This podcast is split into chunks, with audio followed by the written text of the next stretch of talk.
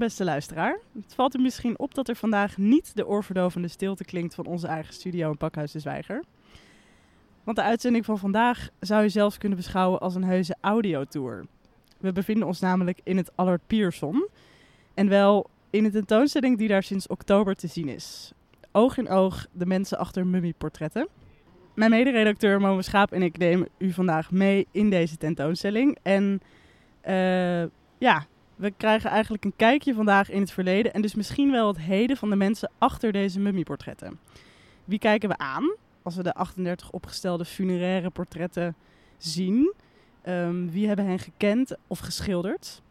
Maar uh, voordat we deze vragen en meer gaan beantwoorden, heb ik een vraag aan jou, Momo. Want uh, wat verwacht je van vandaag? Nou, ik heb er echt bijzonder veel zin in. Ik, uh, ik weet al een tijd dat deze portretten bestaan. Um, ik, ben, ik, hou echt van oudheid. Um, uh, sowieso. En, en het kan me ook uh, ik raak sowieso erg ontroerd van, van momenten dat je, dat je een brug kan slaan naar die mensen. En, en, en, en, en uh, wetende hoe ze hier zijn afgebeeld. Um, in een soort stijl die eigenlijk lijkt alsof ze ook gisteren hadden kunnen worden geschilderd. Of, of 100 jaar geleden. Dat, dat, dat, ik ben ontzettend benieuwd. Ik heb er heel veel zin in. Ja, ik hoop dat het heel persoonlijk wordt. Juist omdat, omdat het zulke realistische portretten lijken te zijn. Dus uh, ik vraag me af wie mij vandaag gaat aankijken. Ja, in, een, in een donkere zaal in dit uh, gebouw zien we uh, plankjes opgesteld. Plankjes echt van ongeveer de omvang van een, van een hoofd. Ik denk misschien ook wel ongeveer op, op menshoogte. Waarop gezichten zijn geschilderd. Gezichten die een beetje meewarig aankijken. Met grote ogen. In een stijl die heel bekend lijkt. Als iets uh, Europees ergens uit de afgelopen 200 jaar. Uh, maar dat toch ook heel duidelijk niet is. Um, naast mij staat niemand minder dan conservator van de tentoonstelling Oog in Oog de mensen achter mummieportretten, Ben van den Bergen. Uh, goedemorgen, Ben. Goedemorgen. uh, ben is conservator collectie Egypte bij het Allard Pierson. En hij nam deel aan de opgravingen in Egypte en richt zich momenteel op het onderzoek naar mummieportretten en de geschiedenis van de collectie Egypte van het Allard Pierson. Uh, wat leuk dat je ons vandaag meeneemt door de tentoonstelling. Ik ga eigenlijk beginnen met een, een hele open deur vraag, namelijk wat zijn mummieportretten eigenlijk? Nou dat is een hele goede en belangrijke vraag ook. Um, nou ja, de mummieportretten in, in deze context zijn eigenlijk uh, paneelportretten. Dus dat is een geschilderd portret op een houten plankje. En um, nou ja, dat zijn portretten die in de eerste tot de vierde eeuw na Christus op het gemummificeerde hoofdeinde uh, van, een gemummificeerd lichaam geplaatst werden. En um, nou ja, het doel daarachter is ook die doden toegang te geven tot het hiernamaals. En, en herkend te worden door de goden, maar ook door zijn eigen ziel en, en familieleden, om ook van de offers te kunnen profiteren. En wat is precies dan de historische context? Um, waar bevinden deze mummieportretten zich op het moment dat ze gemaakt worden? Die mummieportretten die kennen we vooral uit de regio Fayoum. Dat is een, een, een, een, um, zeg maar een regio in Egypte ten zuidwesten van Cairo. Uh, waar in de Griekse periode, dus de Ptolemeïsche tijd van Egypte, veel uh, ja, aan landbouw gedaan werd. Dat areaal werd ook sterk uitgebreid door de Hellenistische koningen. En daar vestigden zich uh, nou ja, nieuwe inwoners van Egypte, ook kolonist-soldaten, mensen die dus voor hun diensttijd land daar kregen. En nou ja, de afstammelingen daarvan zijn hoogstwaarschijnlijk de mensen waar we deze portretten moeten gaan situeren. Hè? Dus een paar honderd jaar later in de Romeinse tijd. En um, ja, dan hebben we het dus over de tijd dat Egypte onderdeel is geworden van het Romeinse Rijk. De laatste Ptolemeïsche koningin, Cleopatra VII, nou ja, werd verslagen door de latere keizer Augustus. En Egypte was geen zelfstandig koninkrijk meer, maar een provincie van dat grotere rijk. En we zien ook dat er, nou ja, in Egypte veel hetzelfde blijft. Hè. Bijvoorbeeld Grieks bleef de belangrijkste voertaal, niet alles ging in het Latijn. Um, maar um, nou ja, op bestuurlijk niveau waren er wel wat veranderingen. En ook, nou ja, funerair gezien had men uh, um, op een aantal vlakken wat andere gedachten over uh, wat allemaal de doden moest vergezellen, om het maar samen te vatten. Wat moesten de doden vergezellen? Um, nou ja, in die zin iets minder grafinventaris dan we misschien uit de, de volgende periodes kennen. Hè. Dus er gingen geen complete meubels en dat soort dingen meer mee. Het was voor mensen in die periode vooral ook belangrijk dat ze de essentials bij hadden en dat het lichaam. Um, nou ja, we moeten het een beetje uitsplitsen eigenlijk. Er kwamen verschillende uh, begrafenissoorten voor in Egypte in de Romeinse tijd. Mensen konden meer naar Grieks-Romeins model gecremeerd worden dus dan werd de as bijgezet in een urn. Men kon ook op een iets meer Griekse wijze gewoon het lichaam laten inwikkelen in linnen doeken. Dan ging er een muntje in de mond en dan werd je bijgezet. dus dan kon je overvaren over de dode rivier. En de derde methode, en nou ja, dat zie je nog steeds heel veel op dat moment, is dat mensen zich laten mummificeren. Dus dan zit je meer in die nou ja, faraonische manier van denken over dat hiernamaals. je lichaam wordt behandeld, wordt geconserveerd, ingewikkeld. Uh, en vervolgens voorzien van nou ja, een beeldenis of een, een masker. En dat kon dus in sommige gevallen een paneelportret zijn. En wie waren precies de mensen die dit lieten doen? Ja, er is nog best wel veel discussie over en, en we weten eigenlijk nog maar heel weinig daarover. Maar uh, uit geschreven bronnen denken we wel ongeveer te weten waar we dat dus moeten zoeken. dus die, die, uh, weet het, die soldaat-kolonisten die ik al eerder noemde, die Griekse gemeenschappen, of oorspronkelijk Griekse gemeenschappen die zich in de Fayum vestigden. Um, nou ja, dat, dat ging ook op in uh, de Egyptische maatschappij. Hè, dus er werd ook tussen gemeenschappen getrouwd. En nou ja, op een gegeven moment heb je dus groepen mensen die um, nog steeds heel aanzienrijk zijn. En we zeggen wel eens een beetje de hogere middenklasse. Um, die ook goed aangesloten waren bij het keizerlijk hof in Rome. Ze stuurden echt ambassadeurs naar Claudius en Nero. Um, om hun privileges te bestendigen eigenlijk. Om te zorgen dat ze nog steeds bepaalde voordelen hadden. En die mensen, um, nou ja, daarvan weten we ook uit geschreven bronnen dat die later ook nou, als lokale bestuurders naar andere plekken gingen. Er zijn voorbeelden van mensen uit de Fayum die worden aangesteld in de nieuw gestichte stad Antinopolis in Midden-Egypte. dus het kan ook zijn dat op die manier dit soort fenomenen, die, die portretten, zich ook een beetje verspreid hebben. Te kennen ze uiteindelijk over heel Egypte. Wat zie je hier, Momo? Ja, deze is dus op canvas geschilderd volgens mij. Hij is wat groter dan de rest daardoor. We zien echt een, echt een uh, groot deel van de torso. Um, ja, een jongen van de jaren 25 denk ik met kort. Ik wil zeggen geschoren haar, maar dat zal wel niet. Um, hij lijkt een beetje cartoonesk. Of, of mm, um, grote flaporen. Uh, een snorretje. Wat heeft hij vast? Het is een soort. Het lijkt een soort bloem.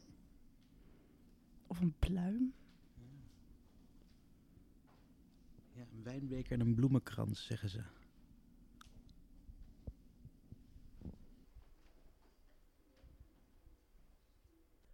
Achter de mummieportretten gaat niet alleen de afgebeelde persoon schuil, maar ook de persoon die het portret geschilderd heeft. En hoewel er eigenlijk weinig bekend is over deze mensen, draait het in een van de zalen van de tentoonstelling om deze makers en hun werkwijzen. We staan hier naast een vitrine met, uh, even kijken hoor, pigmenten en bindmiddelen. Um, we zien rode oker en ik zie ook iets, iets met iets bladgoud zie ik. Um, zou je iets kunnen vertellen over de afkomst van deze pigmenten? Uh, dat is een hele goede vraag, want um, nou ja, we kijken hier naar, uh, wat is het, een stuk of 16, 17 verschillende pigmenten. Uh, sommige van kleuren die heel dicht bij elkaar zitten, andere heel erg expliciet in kleur, zoals het Egyptisch blauw. Um, zoiets als die okers, dus de meer bruinige, beige tinten en ook een beetje rood. Dat waren pigmenten die ook wel in Egypte voorhanden waren. Die lagen bij wijze van om je heen, in de klei en, en dergelijke.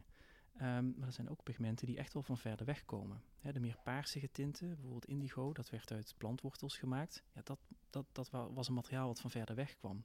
En minium, dat is een beetje die oranje-rode tint. Um, ja, dat is een materiaal wat hoogstwaarschijnlijk misschien zelfs uit Spanje gekomen is. dus heel specifieke kleuren, waar dan kennelijk wel waarde aan gehecht werd, om de een of andere reden. En die dan ook naar Egypte werden gehaald om daar gebruikt te worden. Dus uh, dat in combinatie met het, het hout, wat soms ook wel van, vaak van verder weg kwam, en de toevoeging van bladgoud, wat natuurlijk ook iets heel kostbaars is, ja, maken die portretten tot een, ja, een, een elite product. Het is, het is niet iets voor iedereen. Ja, dat, dat is wat ik me ook afvraag. Um, wie, wie, wie koopt zoiets? Want het, daar hangt dus wel een prijskaartje aan. Is daar veel over bekend? Absoluut. Ja, dit is, uh, nou ja, het is echt wel voor mensen die, uh, die, een, die een beurs hadden, zeg maar. Um, en um, uh, hoe heet het?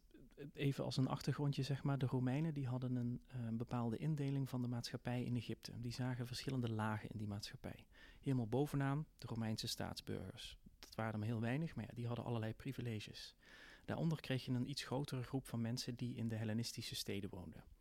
Um, dat waren niet alleen, zoals de naam zegt, Hellenen, dus Grieken. Daar konden ook mensen uit andere gebieden buiten Egypte tussen zitten. Arameërs, Joden, uh, mensen uit Turkije. Grie uh, ja, Grieken zaten er ook vooral tussen. En daaronder kreeg je eigenlijk een hele grote laag, wat ze de Egyptioi noemden. Dus ja, eigenlijk de inwoners van Egypte. En um, dat is een, een hele grote groep geweest. En het zijn waarschijnlijk de bovenste lagen van, van die laag waar die mummieportretten gesitueerd moeten worden. Dus het zijn lokale bestuurders, niet zozeer in de echt grote Griekse steden, maar meer in provinciale hoofdsteden en, en, en, en, kleinere steden, um, die zich daarmee lieten bijzetten. En we kennen helaas niet de prijs van zo'n portret. Dat is nergens opgetekend. Wat we wel weten uit een paar bronnen is wat de kosten voor een begrafenis in die tijd voor nou ja, een redelijke elite zouden kunnen zijn. En um, dat is uh, nou ja, bijna een jaarsalaris voor een, voor een dagloner. Dus hè, uh, dat geeft al aan hoe kostbaar zoiets was. Dat zat hem overigens niet alleen in het portret, maar ook vooral het linnen was heel duur. Naast de vitrine met pigmenten en bindmiddelen is een vitrine met, um, ja, het lijken op een soort uh, uh, kwastjes en een soort schapertje. Wat stelt dit voor? En deze vitrine vatten we eigenlijk samen wat we vooral uit uh, geschreven bronnen kennen. Plinius de Oudere die schreef over nou ja, de drie gereedschappen die uh, een portretschilder zou gebruiken. Nou, dat zijn kwastjes, zoals we hier kunnen zien. Um, maar dat zijn ook ja, twee wat meer enigmatische stukken gereedschap, namelijk een cestrum en een cauterium. Nou, een cestrum is eigenlijk gewoon een soort van puntig metalen gereedschap, een soort van uh, center point waar je mee kunt krassen, zeg maar. Dus daar kon je ook patronen mee aanbrengen. en wat we in deze vitrine ook zien is, nou ja, mogelijk zo'n cauterium. En een soort van spatelachtig voorwerp, waarmee men ook zo'n ja, verwarmde bijenwas uh, nou ja, ook nog kon manipuleren en, en kon aanbrengen. Hè, uh, de Bob Ross spatel eigenlijk, zeg maar. Hè? Dat is een beetje uh, hoe je dat moet zien. Zijn er in deze ruimte portretten waarop je duidelijk ziet, duidelijk het gebruik ziet van zo'n spatel? Uh, ja, er zijn hier een aantal portretten. En dat zijn dan vooral de portretten die in de encaustische techniek gemaakt zijn. Uh, dat portret daar helemaal recht van die man. Dat zien we zien het ook in de uitvergroting daar. Daar zie je bijvoorbeeld langs de neus uh, en daaronder ook en boven op het voorhoofd... daar zie je ook wel patronen waarin verschillende gekleurde verflagen is... Nou ja, gespachteld, ge, ge, bewogen, gemodelleerd. Ook soms als het echt dik is aangebracht. En nou ja, dat, dat zijn die gereedschappen. Dus die, die zien we ook daadwerkelijk terug. Net als dat we in sommige gevallen ook uh, nou ja, kwastjes kunnen terugzien in, in de scantechnieken die we toepassen in het onderzoeksproject. Uh, u hebt eerder iets verteld over die, die verschillende technieken en dat er allemaal ideeën over bestonden, van dat de ene beter zijn dan de andere. Um, maar wat is dan nou eigenlijk het verschil? Is er een soort analogie met olieverf of zo, dat de ene sneller droogt? Of wat is dat? Nou, we hadden het dus inderdaad over die twee technieken, hè? Uh, tempera en encaustiek. Tempera is dus een, plantaardig of een dierlijk bindmiddel bij de pigmenten. En encaustiek is gesmolten bijenwas met diezelfde pigmenten vermengd. En um, nou ja, er werd eigenlijk, toen die portretten voor het eerst aan het licht kwamen, werd er uh, snel gedacht van ja, er was eerst een tempera die vooral uh, gebruikt werd. En dat ontwikkelde zich langzaam tot die encaustiek. Ja, dat lijkt niet te kloppen. Die technieken die kwamen ook naast elkaar en soms zelfs in hetzelfde portret voor. En uh, ja, die encaustiek die is in die zin wel moeilijker. Hè. Je moet wel echt kennis hebben van het materiaal en ook snel kunnen werken, omdat die bijenwas ook stolt als het ware. Hè, dus daar verschilt het misschien ook wel een beetje van de olieverf die wij nu zouden gebruiken, of acrylverf. Daar kun je nog wel een tijdje een beetje mee mengen of je kunt nog wel bewerken. Die encaustiek die staat eigenlijk op een gegeven moment wel echt vast. Hè, je zou het met zo'n uh, verhit stuk gereedschap misschien nog een beetje kunnen manipuleren als het eenmaal erop zit. Maar uh, ja, als het staat, staat het. En jullie hebben ook een, uh, een kunstenaar gevraagd om, om het te repliceren, die, die methode. Maar dan, nog steeds begrijp ik niet helemaal, wat is nou het voordeel of nadeel van de een of de andere? Nou, het voordeel van die tempera-techniek is dat je eigenlijk gewoon een beetje op je gemak kunt werken. en dat het dus ook nou ja, veelal materialen zijn die je misschien dichterbij kunt vinden. Hè, dierlijk bindmiddel of plantaardig. Die enkostiek moet je echt was voor hebben. Dat is heel specifiek. En ehm, ja, die kunstenaar waar je het over hebt, hè, eh, Jasper KB, die, heeft, uh, nou ja, die was ook geïnspireerd door deze portretten.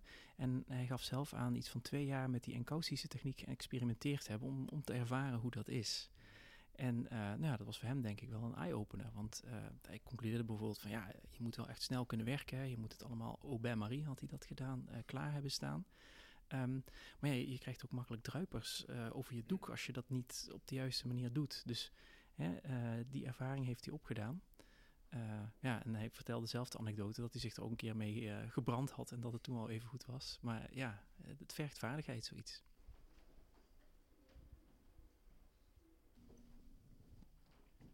Je ziet ook wel dat er in dat fotorealisme, als je dat zo wil noemen, echt gradaties zitten. Dus er zijn hier rechts, daar aan de andere kant van de ruimte, is een portret dat echt bijna, nou ja, goed, soort 19e eeuws lijkt. Um, terwijl we hier direct voor iets veel gestileerders zien, met veel grotere ogen relatief.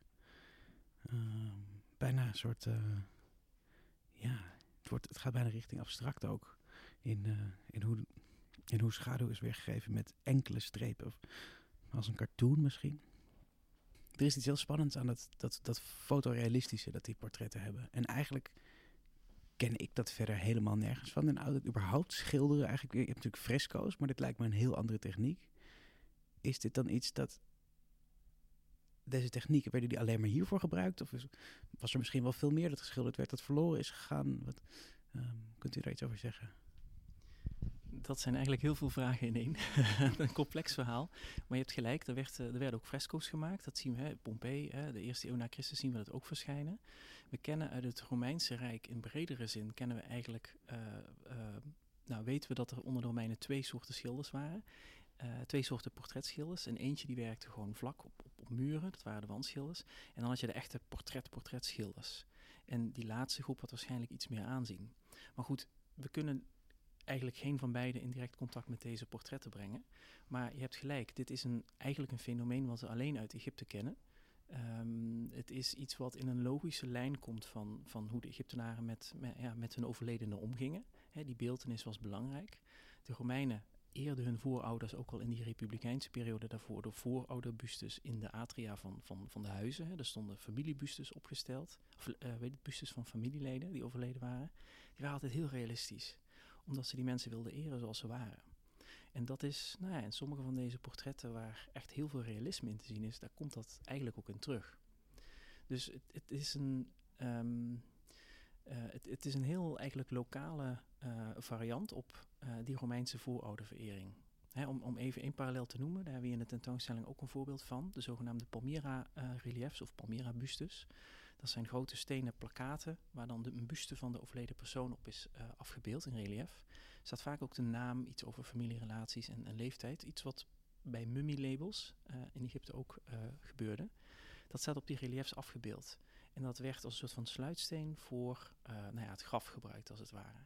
Nou, daarnaast kennen we allerlei voorouderbustes die bij graven uh, te vinden waren. Hè. Romeinse grafmonumenten hier in Nederland ook, die aan de randen van de steden stonden, waar ook altijd portretten van de overledenen werden opgenomen in steen. Dus hè, die, die, die paneelportretten zijn een soort van ja, lokale uiting van, van iets vergelijkbaars. Ja, vermengd met nou ja, culturele elementen die al in Egypte aanwezig waren op dat moment. Um, dat is, ik snap dat het een heel uh, of, of, um, vraagt om veel uh, giswerk. Maar um, hebt u een theorie over waarom dan dat realisme eigenlijk in de Europese kunstgeschiedenis helemaal verdwijnt?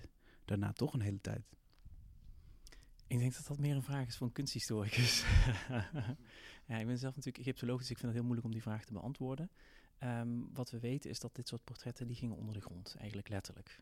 Ze konden begraven worden of bijgezet worden in ondergrondse grafcomplexen. En um, nou ja, daarna, ze waren misschien nog een tijdje onder de levende, maar daarna was het niet meer zichtbaar. Dus vanaf het moment dat dat verdwijnt, uh, dat er dus ook geen behoefte meer aan is. Uh, dat dat hè, die, die iconen die je daarna vooral ook ziet, uh, misschien aan hele andere voorwaarden en, en, en kanon, en dogma misschien wel moesten voldoen. Um, ja, misschien dat dat eraan heeft bijgedragen. Maar ik denk dat dat iets is wat heel moeilijk, althans voor mij, te schetsen is. Ja. Wat, wat, wat, wat, wat is er nou? Kunt u iets over die ogen vertellen? Wat is het met die ogen? Ja, die ogen is iets wat door veel mensen opgemerkt wordt. Hè? Dat het heel grote uh, ogen zijn vergeleken met hoe dat er natuurlijk uitziet. En um, nou ja, daar hebben we eigenlijk maar heel moeilijk een antwoord op. Uh, Egyptologen die denken ook dat het misschien terug te voeren is op uh, wat we uit eerdere periodes kennen, waarin de zintuigen bij de begrafenis eigenlijk, dus de bijzetting van de mummie, ritueel, magisch werden gereactiveerd. Het opening van de mondritueel. En ook de ogen speelden daar een belangrijke rol in. En daarnaast zien we in veel oudere periodes ook dat ogen ook een belangrijke rol innemen op bijvoorbeeld mummiekisten. Aan de zijkant van een kist, waarlangs de dode dan naar buiten kan kijken naar dat hiernamaals, naar het, uh, de wedergeboorte eigenlijk. Dus nou ja, misschien zien we dat ook wel een beetje terug in die portretten. Die ogen heel belangrijk zijn voor nou ja, de ziel, tussen aanhalingstekens, van de doden, om weer uh, via dat lichaam bij die offers te kunnen. Um, ja, dat, dat is een mogelijkheid. Ja. Ja, het is echt uh, het is een beetje overweldigend hoeveel er zijn ook. Hoe, hoe, hoeveel portretten hebben jullie in totaal bij elkaar weten te krijgen?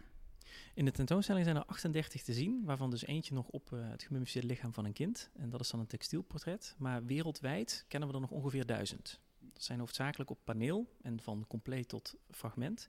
En er zitten ook een aantal textielportretten tussen die soms ook wel een complete lijkwaarde uh, kunnen zijn.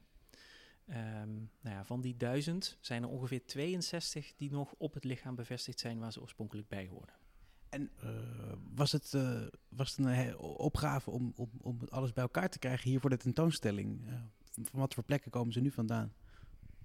We hebben voor deze tentoonstelling, want er gaat dus sowieso een onderzoeksproject wat een beetje in, de, in, de, hoe heet het, in diezelfde stroom plaatsvindt. Daar kijken we naar twaalf portretten van musea uit België en Duitsland en Nederland. En daarnaast hebben we ook wat verder om ons heen gekeken om portretten uh, uh, te vinden die in wat kleinere museale collecties zitten. Dus we laten ook een aantal portretten zien die nou ja, ook misschien wel wat minder bekend zijn voor, voor een breder publiek. Maar daarnaast hè, we werken ook samen met het Louvre en met het J. Paul Getty Museum in Los Angeles. Dus we hebben ook wel een aantal portretten die te zien zijn waar al veel onderzoek naar gedaan is. Uh, en, en ja, ook soms een, een hoge esthetische kwaliteit laat zien. En waar ook heel bijzondere verhalen aan hangen. Terwijl je door de tentoonstelling loopt, um, kan je er ook voor kiezen om langs het gemummificeerde lichaam van een kind te lopen. Dus dat zijn eigenlijk ja, menselijke resten die tentoongesteld worden. En je kan er ook voor kiezen om dit niet te zien. Um, ja, en achter de wand, waar je dus naar het gemummificeerde lichaam kan kijken, ligt het lichaam van een anoniem jongetje van uh, drie tot vijf jaar oud. Vermoedelijk leefde hij in de eerste eeuw na Christus in de omgeving van de huidige plaats Abu Sir el Melek aan de rand van de Fayum. Wat natuurlijk wel eigenlijk eigenaardig is, is dat we naar uh, grafobjecten aan het kijken zijn, sowieso. Het is wel een overweging. Hier aan de achterkant van de pilaar ligt dan uh, de kindmummie. Echt ongelooflijk ingepakt met allemaal patronen in het... canvas is het dus volgens mij.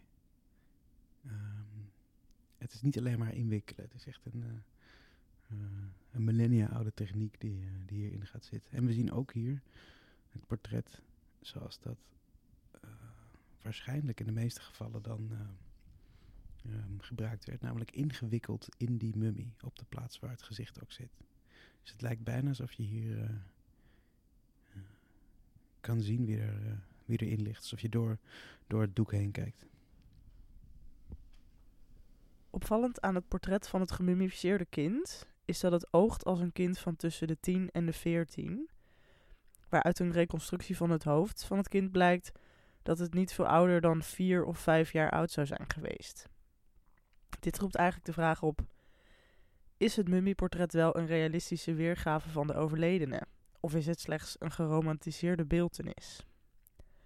Nou, hoewel de relatie en gelijkenis tussen het mummieportret en de overleden persoon niet zo vanzelfsprekend lijkt te zijn, is de functie van de portretten wel heel helder te duiden. Zij dienen namelijk om een overleden familielid te gedenken en zijn bovendien een poging tot vergoddelijking. Dat was heel gebruikelijk in Romeins Egypte. De dood lijkt in deze traditie eigenlijk dus onlosmakelijk verbonden te zijn met het leven. En er zijn zelfs tekenen dat de mummieportretten na het voltooien niet direct in het graf verdwenen, maar dat het nog voor korte tijd toegankelijk was voor nabestaanden. Um, er komt echter een moment dat er geen relatie meer is tussen de levende nabestaanden en de overledene. En vanaf dat moment zou je eigenlijk kunnen zeggen dat, hoewel de mummieportretten geen fysieke erfgenamen meer hebben, er in figuurlijke zin andere erfgenamen zijn. Namelijk latere kunstenaars en ambachtslieden die zich lieten inspireren door de kunsttechnieken en stijlen die werden gebruikt om die mummieportretten te maken. Momo noemde het al eerder. De mummieportretten ogen heel realistisch. En ze deden mij in eerste instantie ook erg sterk denken aan uh, schilders uit de 19e eeuw. Ja, um, die portretten kennen in die zin letterlijke en figuurlijke erfgenamen. Wat, dat laten we dan ook zien. Dus de, de, daadwerkelijke nabestaanden die voor de begrafenis en de bijzetting en de verzorging van de, van de doden uh, zorg dragen. Maar ook uh, een figuurlijke erfgenaam. En dat zijn in de eerste plaats zijn dat wat wij eigenlijk nu kennen als iconen. Uh, christelijke, koptische, maar later ook Byzantijnse iconen. Wat we vanaf die vierde eeuw na tot nou ja, ver in de middeleeuwen eigenlijk nu nog steeds zien. Um, hè, bijvoorbeeld die vergulde omranding van het gezicht, uh, het format van het portret, maar ook diezelfde enkaustische schildertechniek die in die iconen gebruikt wordt.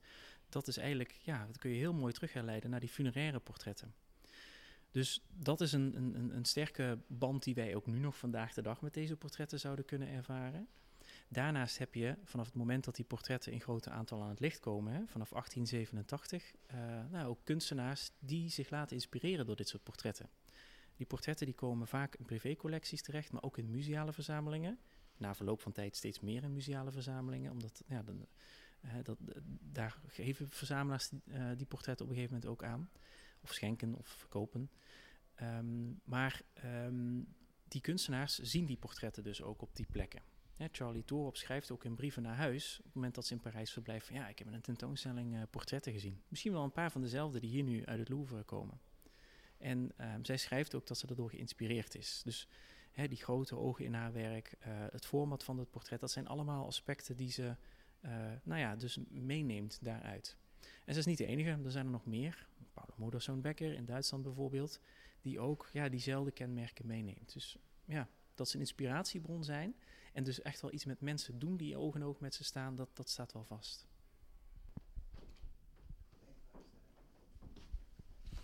En uh, als u nou de kans zou zien om uh, uh, op het moment dat niemand kijkt, toch een van deze portretten te ontvreemden en thuis op te hangen, welke zou je dan willen meenemen? Nou, dat ga ik natuurlijk niet doen. Maar als je vragen anders geformuleerd zou zijn en zou zijn van, nou, welk portret is hier je favoriet? Dan zou ik zeggen, dat is een hele moeilijke keuze. Um, nou ja, kijk, elk portret heeft zijn eigen uh, bijzonderheden. Hè. Het, het, kan natuurlijk een portret zijn wat, zoals wij dat nu zien, esthetisch uh, er heel bijzonder uitziet. Um, maar ik vind het juist ook wel interessant als onderzoek om te kijken naar portretten die uh, eigenlijk weinig aandacht hebben gekregen. Hè. Er staat hier bijvoorbeeld een portret helemaal links in de vitrine van een mevrouw, um, wat voorheen eigenlijk niet onderzocht is. Misschien ook omdat ze er wat gestileerder uitziet en wat, nou, wat eenvoudiger van uitvoering. Um, maar juist daar zijn ook interessante facetten te vinden. Dus ja, hè, dit is een portret wat mogelijk uh, nou ja, het begin kan zijn van zo'n nieuw groepje van uh, in dit geval twee portretten die uit een vergelijkbare hoek komen. We hebben een portret ook hier in de tentoonstelling opgenomen uit Leiden, wat stilistisch een sterke verwantschap heeft. Dus dat zijn, dat zijn dingen die we willen ook graag gaan uitzoeken. Van, hè, is dat dan, komen die van dezelfde plek? Zit daar eenzelfde workshop of maker achter? Hè? Dat, zijn, dat zijn dingen die, die willen graag weten. Wat we hier zien is uh, eigenlijk een afgesneden hoofd. en, uh, en het lijkt een man te zijn met een baard. Ja, dat, dat klinkt een beetje dubieus, maar inderdaad, we, we kijken naar een portret waar, waar een deel van ontbreekt. Dus we zien eigenlijk vooral de rechterhelft van het gezicht en nog een stukje van het linkeroog. En um, nou ja, dit is een portret wat uit uh, de collectie van het Rijksmuseum van Oudheden in Leiden komt. En um, nou ja, in eerste instantie zou je misschien niet heel veel aandacht hieraan besteden, omdat het misschien wat simpeler in uitvoering is. Maar wat ik net al noemde, het lijkt dus een stilistische um, nou ja, overeenkomst te vertonen met een portret wat hier in, in het Albert Pierson is. En dat zien we onder andere aan de techniek waarmee bijvoorbeeld de wenkbrauwen en de wimpers zijn weergegeven. Zo'n heel erg gearseerde uh, uh, vorm van, van, van aanbrengen. En ook de manier waarop de neus is uitgevoerd. Bijna gewoon drie rechte streken met twee stipjes voor de neusgaten. En ook de plooien in de nek zijn, zijn, zijn wel heel typisch gedaan.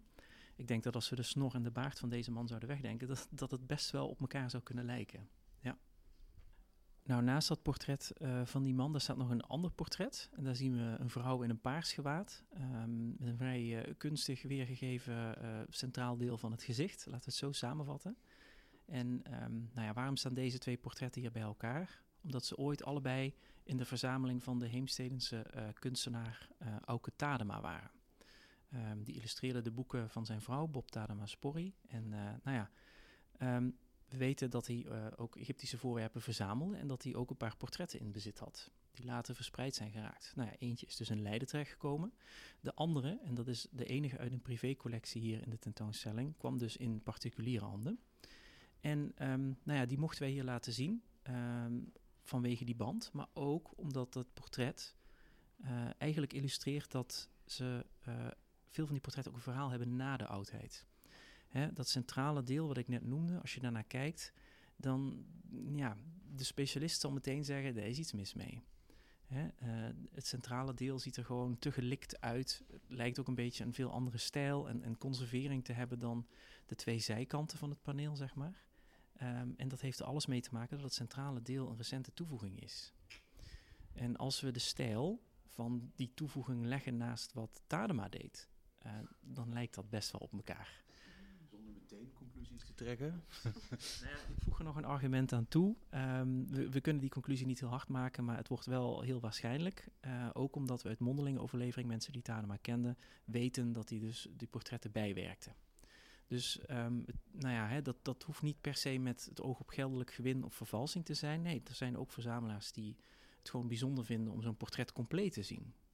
We zien in de tentoonstelling vooral complete portretten, maar fragmenten zijn eigenlijk veel meer een oog, een, een, hoekje van een mond, uh, een stukje van de haren. Uh, dat soort uh, voorwerpen zijn in musea ook te vinden. Um, maar ja, dit kan dus voor, de, voor de eigenaar een overweging geweest zijn. Want je had het net al over um, dat het dus soms voorkomt dat een portret bijgewerkt is. We staan hier naast de Curtain Viewer. Um, voor de, de luisteraar het is eigenlijk een soort uh, grote doos met een scherm en touchscreen waar je op verschillende dingen kan inzoomen. Um, ja, wat is er zo bijzonder en interessant aan uh, deze, dit, deze interactieve tool? Ja, die tool is, is in die zin wel heel bijzonder, uh, omdat je daar als bezoeker zelf op onderzoek kunt uitgaan. Hè, wat we hier in feite doen is, um, nou ja, wat, wat materiaal wat we nu verzameld hebben van twaalf portretten in het onderzoeksproject Face to Face.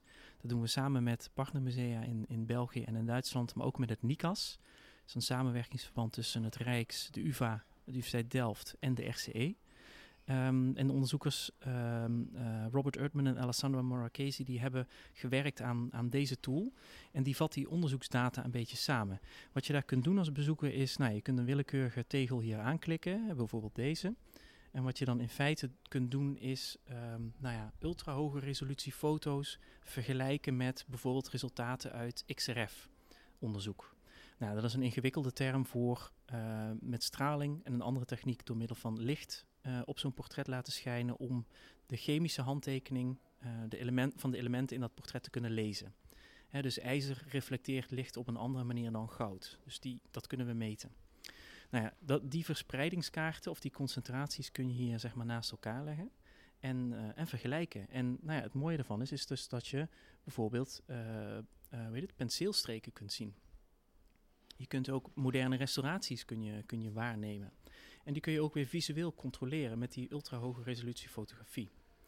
Ja, als bezoeker is het hier natuurlijk ook heel leuk om hè, bijvoorbeeld als je deze tegel aanklikt waar je alle portretten naast elkaar hebt. Nou ja, ze bewegen allemaal gelijktijdig. Dus wat je hier bijvoorbeeld kunt doen is inzoomen op alle ogen tegelijkertijd. Nou, we worden heel erg aangekeken nu op dit moment. uh, maar um, dat laat dus heel duidelijk zien dat er heel veel verschillende stijlen zijn. En uh, dat vergelijken, nou ja, geeft je ook weer een beter beeld van hoe zo'n maker werkt en, en wat ook belangrijk was voor zo iemand. Ja, en een van de um, tools die hierin zit is um, bijvoorbeeld het zien van goud, bladgoud. Wat, wat ik nu zie is dat je, je kan eigenlijk met een soort pijlertje um, over een afbeelding gaan. En dan zie je het portret in kleur en daarna een soort zwart-wit weergave ervan. Wat, eh, wat reflecteert dit beeld? Ja, dit is dus in feite, het is een soort van slider die over het beeld gaat. Het is met de nachtwacht is het ook gedaan en met werken van Jeroen Bos. En eh, wat er in feite gebeurt is dat je ehm, in één oogopslag kunt zien de foto waar je dus deze gouden uh, wijnbladerenkrans in het haar van die man met baard ziet. En tegelijkertijd kun je dus gaan naar ehm, het XRF-resultaat voor de goudconcentraties. En dan zie je dus dat, dat die krans ook daadwerkelijk van, van bladgoud in dit geval gemaakt is. Daar zitten ook wat restauraties in, waarbij een op goud lijkend materiaal is gebruikt. Dus die kunnen we ook detecteren op deze manier. En um, ja, dat zegt iets over pigmentgebruik en, en, en ook het gebruik van kostbare materialen. Ja. ja. Dit is wat ik me al lang afvroeg. Waarom is het zo interessant om um, deze hele specifieke uh, ja, vorm van schilderwerk en kunst te onderzoeken? Um, ik, ik begrijp dat het er niet zo heel veel zijn en dat het ook misschien een, op een bepaalde manier een soort stil verleden is, omdat er ook dus heel veel contextloze um, mummieportretten gevonden worden. Um, maar waarom wordt er een hele tentoonstelling aangeweid? Dat heeft er uh, eigenlijk heel veel mee te maken dat er de afgelopen, nou ja, 20, 30 jaar eigenlijk, hè, in de jaren 90 was er een hele grote tentoonstelling in Londen, die heette Ancient Faces. En dat is, nou ja, zie het maar een klein beetje als een aftrap voor een momentum dat zich begint te vormen voor het onderzoek naar dit soort portretten. En um, het is natuurlijk ontzettend interessant om te zien hoe ver bepaalde uh, aspecten, materialen, technieken teruggaan. Hè? Want realistische portretkunst voor dit moment ja, kennen we eigenlijk niet, geschilderd althans. En um, tegelijkertijd is het uh, een, een, groep voorwerpen die zich op een heel belangrijk snijpunt in de geschiedenis bevindt. Hè, die vierde eeuw, uh, nou ja, eigenlijk begint het al iets eerder, maar met name die derde, vierde eeuw na Christus, is een moment waarop er in dat Romeinse Rijk heel veel gebeurt. Uh, we zien niet alleen dat er, nou ja, dat Rijk onder voortdurende druk komt te staan en uiteindelijk dus ook gewoon ineenstort, of, of uiteenvalt deels. Um, en dat er ook gewoon heel andere overtuigingen komen religieus, maatschappelijk, bestuurlijk, um, nou ja, mensen die er invloed op hebben. Er gebeurt heel veel. En die portretten die zitten eigenlijk een beetje in de aanloop en, en, en, dat snijpunt zelf. Dus het is heel interessant om uh, meer informatie uit te halen over wat er in die tijd gebeurde. Misschien moet ik daar wat concrete voorbeelden bij noemen. Hè. Kijk bijvoorbeeld de opkomst van het christendom. Hè. Dat is iets wat uh, in het Romeinse Rijk uh, um, nou ja, geleidelijk wel gebeurt. Hè. Dat begint een beetje in de eerste eeuw uh, na Christus. De christenen worden eerst ja, streng vervolgd. Er worden heel nare dingen worden er gedaan. En uiteindelijk zie je dat nou ja, het christendom ook aan momentum en aan aanhangers wint. En dat het een, een, een, kracht wordt die niet genegeerd kan worden. En dat heeft ook zijn weerslag op politiek, op wat mensen doen. En uiteindelijk wordt het christendom dan ook de, ja, de staatsreligie, om het zo maar even samen te vatten. En dat heeft weer invloed op hoe men ja, met uh, geloofsovertuiging omging, maar ook met ja, de eigen doden. Uh, en, het voortleven daarvan en de omgang daarmee. Dus die portretten die geven een, een, inkijkje in een deel van dat proces. En dat is, ja, dat is wel interessant om te zien. Het is eigenlijk, eigenlijk is deze tentoonstelling onderdeel van het voortleven, misschien zou je het zo kunnen zeggen, van de mensen die toen de tijd leefden. Omdat je eigenlijk constant, of tenminste, ik voel me eigenlijk best wel bekeken als ik tussen al die mummieportretten sta. Vooral omdat ze dus ook soms hele sprekende grote ogen hebben. Um, je neemt, ja, dus het voelt voor mij heel erg ik een kijkje neem in letterlijk en ook figuurlijk een ander, een ander verleden, maar ook een ander leven. Eigenlijk is dat het beste antwoord wat je kunt geven, want dat is eigenlijk precies wat ik graag zie dat er gebeurt. Want de mensen achter de mummieportretten, het doel is om mensen dichter te brengen bij de mensen uit het verleden. En we weten uh, natuurlijk, die portretten zijn als geen ander in staat om dat te doen. Omdat ze en zo goed geconserveerd zijn en omdat ze je zo, nou ze kijken dwars door je heen. Maar deze tentoonstelling proberen we ze ook echt te brengen als mensen. He, het zijn geen schilderijtjes aan de muur, dit zijn funeraire voorwerpen waar een persoon achter schuil ging. Um, en door nou ja, bezoekers gewoon echt tegenover deze portretten te zetten. Je zegt, ik voel, ik voel me bekeken inderdaad. Je loopt gewoon rond tussen een zaal van, van mensen uit de oudheid. Dus um, als je dat gevoel hebt, dan is mijn missie geslaagd. Naast een aantal antwoorden lijken er toch ook nog heel veel vragen onbeantwoord. Van veel van de geportretteerden is namelijk geen naam bekend of plaats waar ze gevonden zijn. Maar het mooie aan deze tentoonstelling is dat het gekoppeld is aan lopend onderzoek. En er zodoende stukje bij beetje meer context en duiding lijkt te komen van deze eeuwenoude traditie en de mensen erachter. Met het einde van de tentoonstelling eindig ik ook deze uitzending. De tentoonstelling Oog in Oog is tot en met 25 februari 2024 te zien in het Allard Pierson te Amsterdam. Ik wil Ben van Berken bedanken voor de rondleiding en het gesprek. Anouk Heres voor het prettige contact vanuit het Allard Pierson. En Babo Schaap voor het stellen van de goede vragen in de tentoonstelling. Heeft u nou nog vragen of opmerkingen? Stuur ons dan gerust een berichtje via social media of mail naar radioswammerdam.gmail.com. Op Instagram, Twitter en LinkedIn kunt u ons ook volgen om nooit meer iets van ons te missen. En deze uitzending wordt ook geüpload op alle podcastkanalen waar hij terug te luisteren is. Vandaag sprak tot u Emerals Kaptein. Bedankt voor het luisteren en uh, nog een prettige zondag. thank you